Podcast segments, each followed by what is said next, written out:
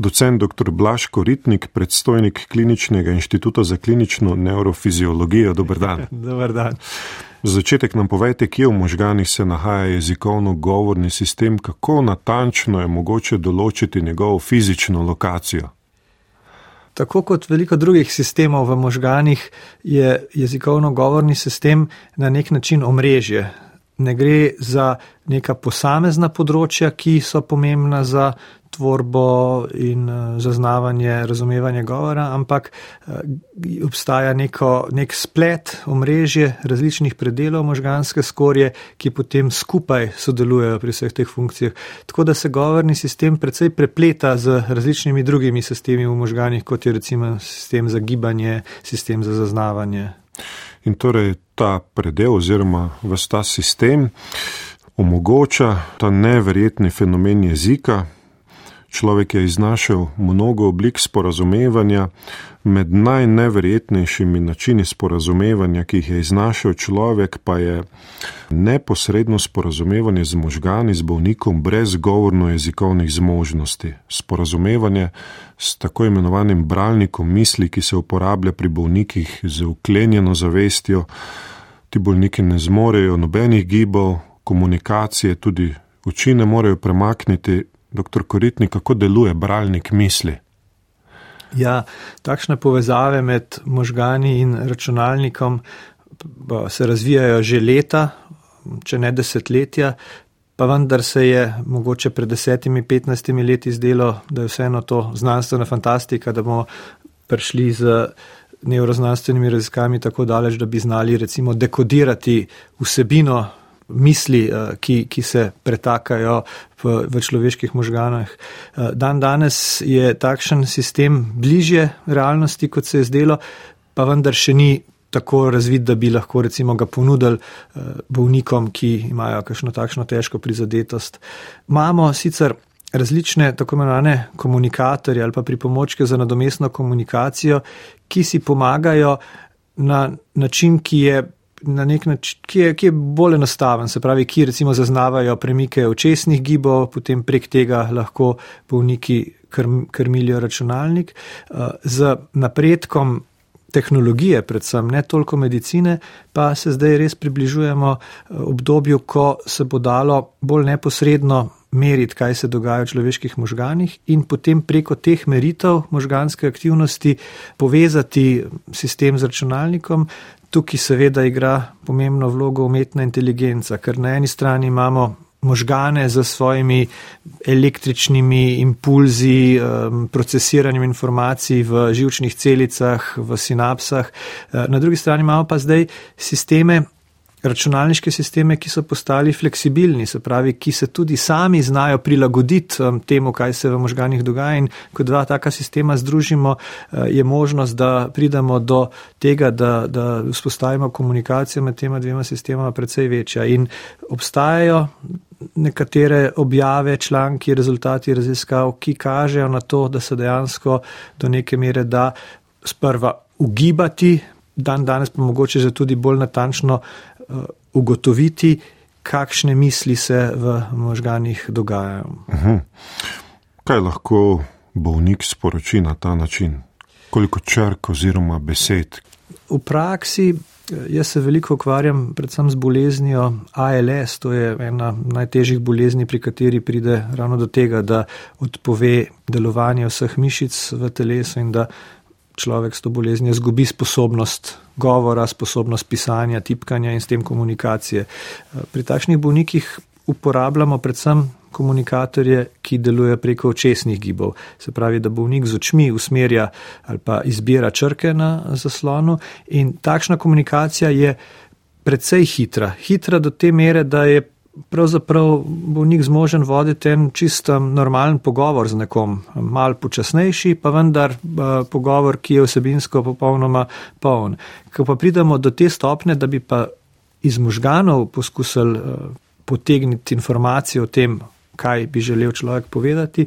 Tam je pa zaenkrat še vedno vse skupaj precej počasnejše, ampak to še vedno pomeni, da lahko recimo z mislimi, s pomočjo takšnega sistema človek um, pove recimo nekaj besed na minuto, kar seveda omogoča, da sporoči vse tiste misli, tegobe, razmišljanja, ki ga težijo in ki se jih ne da izpostaviti, mogoče samo z odgovorom ja, ne, kar je pogosto način komunikacije z nekom, ki je um, zelo um, prizadet funkcionalno.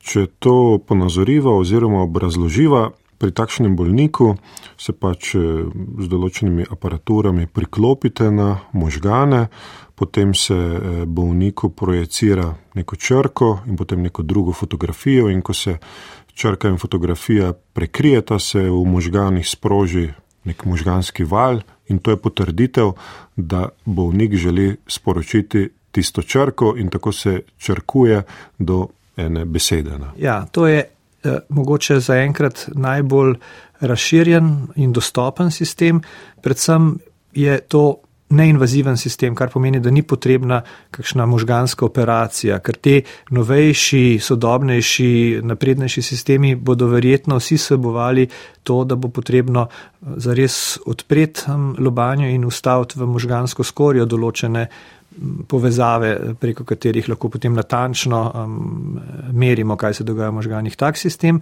pa vsebuje neko kapo, ki ima elektrode, ki so je povezane na glavo in potem na površini glave te elektrode merijo te možganske valove, ki ste jih omenili. Uh, takšen val se tvori, to so ugotovili že pred desetletji, ko se zgodi nekaj nenavadnega. Um, se pravi, ko naprimer pogleda, gledamo različne črke na zaslonu in ko se nam tista črka, ki bi jo želeli povedati, prižge, takrat sprožimo nek val, takrat se možgani sproži nek val in ko se ta, in ta val lahko zaznamo. To pomeni, da v bistvu lahko eh, na tak način um, posamezne črke um, zaznamo tudi uh, z več kot sekundno, sekundno hitrostjo in to pomeni, da je to neke vrste počasno tipkanje.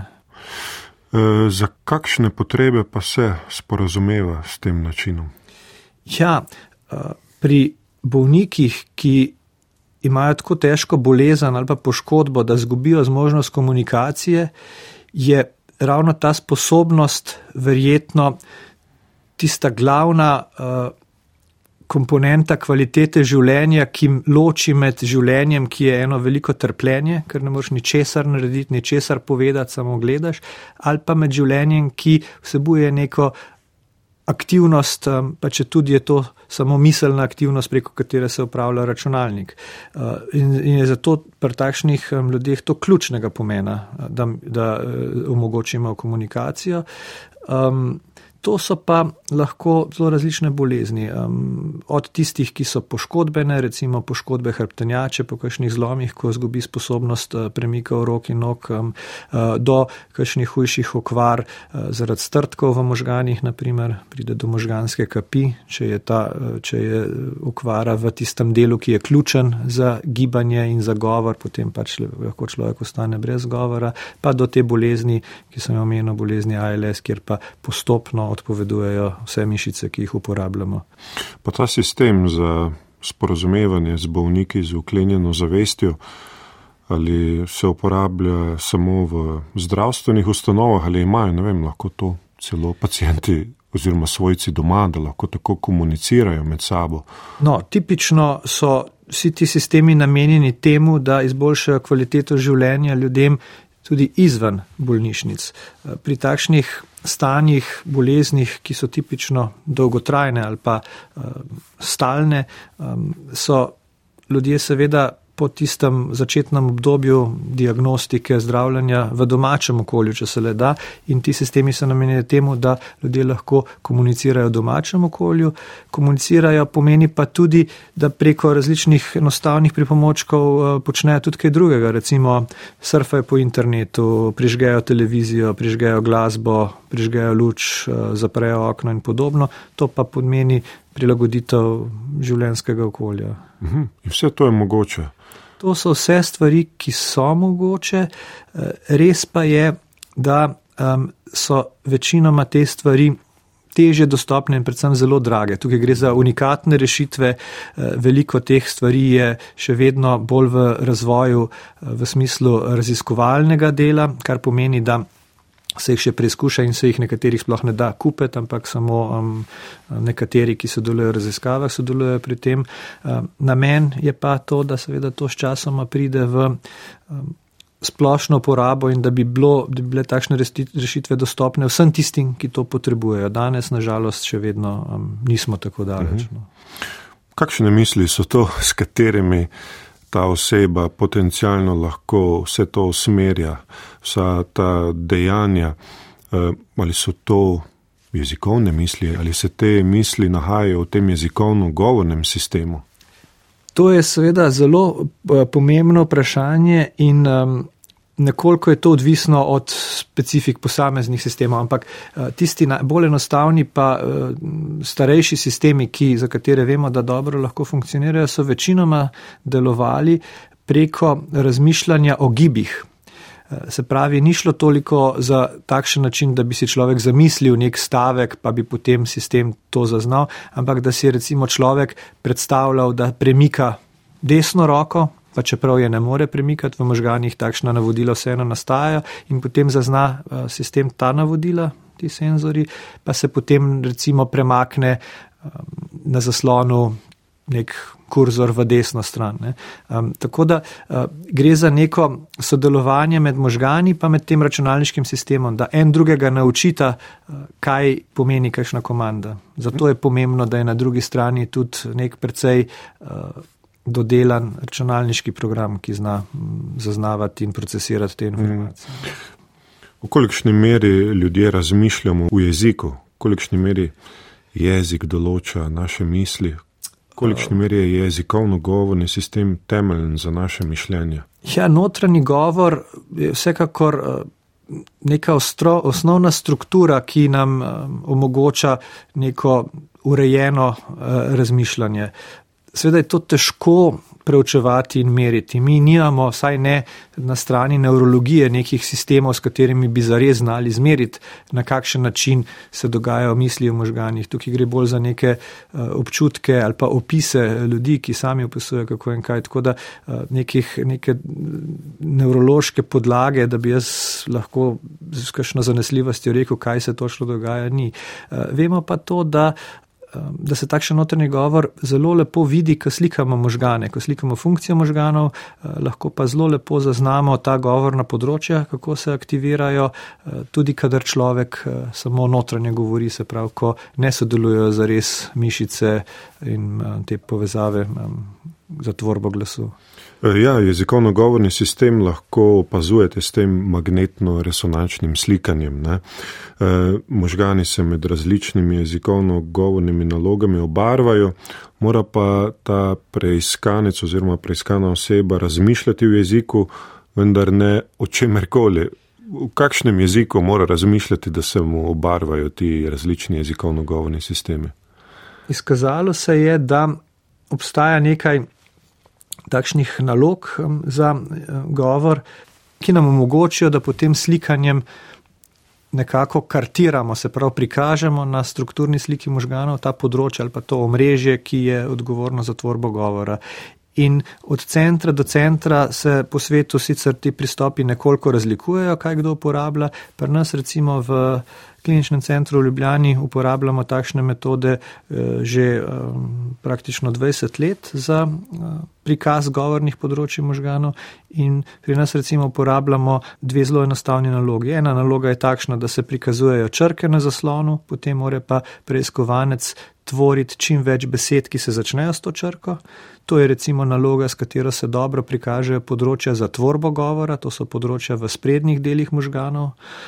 Potem pa ena druga naloga je pa recimo takšna, da se prikaže samostalnik, eh, preiskovanec more pa s tihim govorom, se pravi v mislih, tvoriti glagol, ki je kot neka asociacija, naprimer eh, beseda vrata, tvori naprimer glagol odpreti.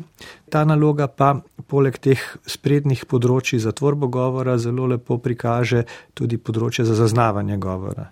In s tema dvema nalogama, to je približno 20-minutno slikanje, lahko pokažemo naprimer katera možganska polobla je, rečemo, dominantna za govor. Govor je ena od funkcij, ki je precej nesimetrično razporejena v možganjih. Se pravi, da je pri veliki večini ljudi ena, pri veliki večini ljudi leva polobla tista, v kateri poteka večji del procesiranja govora. Uh mhm. -huh. In uh, to slikanje vam je, vam je potem v pomoč pred operacijo, da veste, kateri del možganov lahko operirate, ja. odstranite, ne da bi poškodovali kakšno govorno jezikovno funkcijo. Ja. Takšna slikanja so razvili v raziskovalne namene iz, lahko rečem, zvedavosti, kako deluje govorni sistem v možganih, ampak se je potem že kmalo izkazalo, da je to lahko zelo koristna informacija.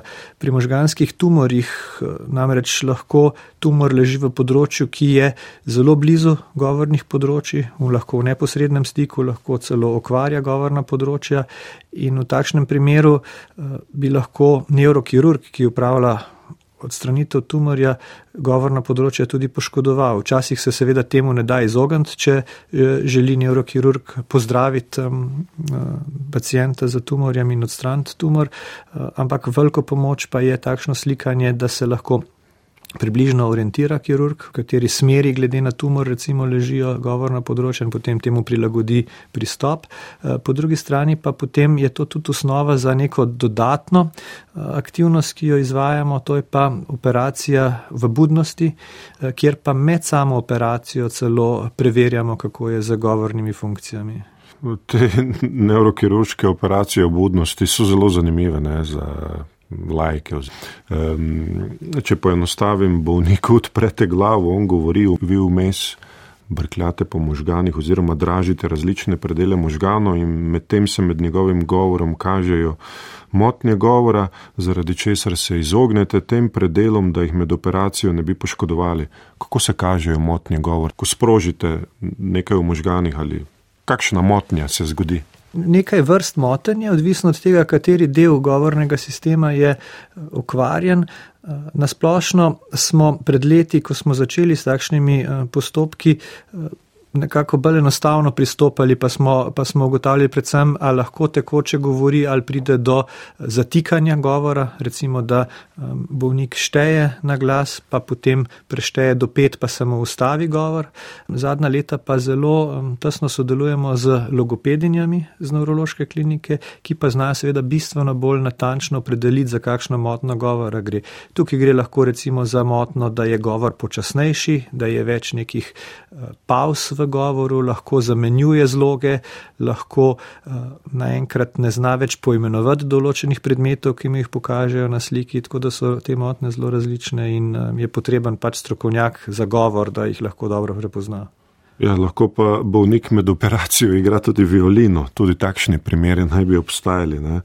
da se eh, kirurg izogne poškodbi dela možganov, ki je, so namenjeni ustvarjanju oziroma igranju glasbe. Področje okvar govora in jezika je kompleksno, pa izjemno nenavadno. Še posebej nenavadne so motnje ali kombinacije moten določenih funkcij.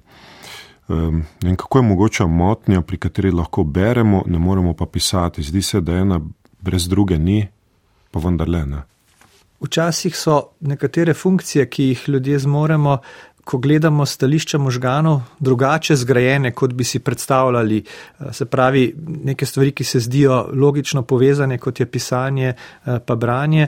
Ko pogledamo enkrat zgradbo možganov in te predele možganih, vidimo, da pravzaprav eh, gre za ločene stvari. Nekaj je povezano to s tem, da se je v evoluciji so se različni možganski predeli razvili z mogoče drugačnim namenom in da če pogledamo govor, je to sicer relativno nova pridobitev za um, um, žive organizme, za človeka pa stara.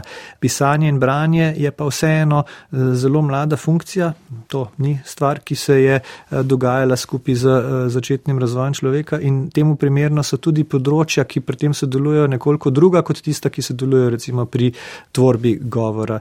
Pisanje je zelo povezano z motoričnim sistemom, ki ga pri branju ne potrebujemo toliko in kadar gre za neke okvare, poudare v teh povezavah, ne samo med sistemom za zaznavanje ali pa razumevanje govora, ampak za recimo sistem za vid, sistem za premikanje roke, sistem za sluh, takrat lahko dobimo tudi takšne nenavadne motne, ki se zdijo na prvi pogled zelo nelogične. Uhum.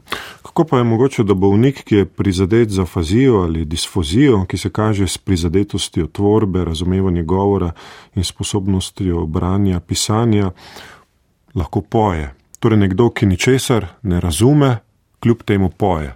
Ja, to je ena od takšnih eh, posebnih eh, moten. Eh, prej sem omenjal, da je pri večini ljudi leva možganska polobla dominantna za govor in da tam večina funkcij poteka.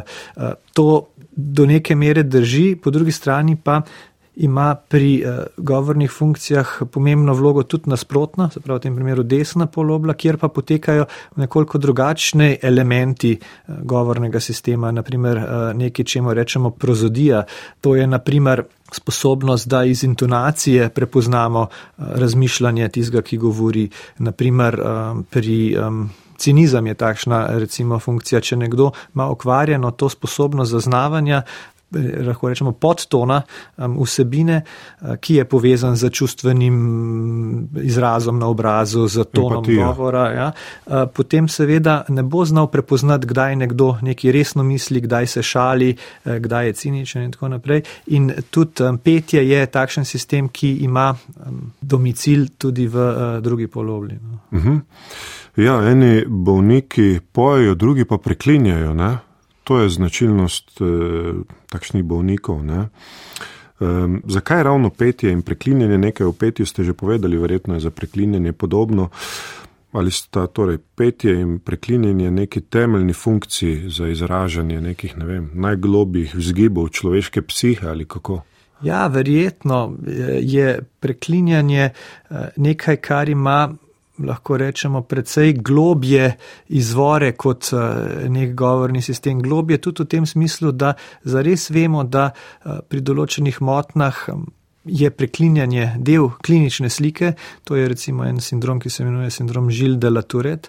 In pri teh motnah vemo, da gre za motno v delovanju bazalnih ganglijev, to je predel možganov, ki je v globini možganov in ki je, kar se tiče razvoja možganov, precej starejši kot eh, možganska skorja. Tako da dejansko se zdi, da preklinjanje najde pot ali pa je povezano z nekimi bolj globokimi čustvenimi stanji, čustvenimi odzivi, kar seveda vsak, ki tu pa tam um, zakon, strokovne, eh, tudi pri sebi dobro začuti, da to lahko prenese neko sprostitev mogoče nekih mhm. tenzij, ki, so, ki se ustvarjajo v um, mislih in, in zato je ta sistem nekoliko drugačen kot um, ostali govorni sistem in se včasih lahko selektivno uh, pokaže kot um, bolj izrazit, naprimer pri nekom, ki po možganski kapi zgubi sposobnost poimenovanja, uh, pa bo z kletvicami uh, nekako našo bližnico um, do tega, da se izraža.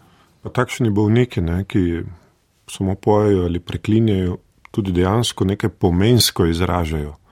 Včasih gre za to, da je preklinjanje bolj kot ne mašilo, uh, za, za to, da ne more neke vsebine uh, jasne uh, sporočiti in je na nek način neučinkovito v smislu komunikacije. Ne. Včasih pa preko tega si tudi pomaga, da mogoče lažje potem zgradi neko sporočilo, ki ga uh, želi povedati, da mogoče zatem, ko ustavi kakšno mašilo, se je mašila v končni fazi vsi uporabljamo v vsakdanjem pogovoru, malo doda neko um, vezivo v uh, svojo zgodbo.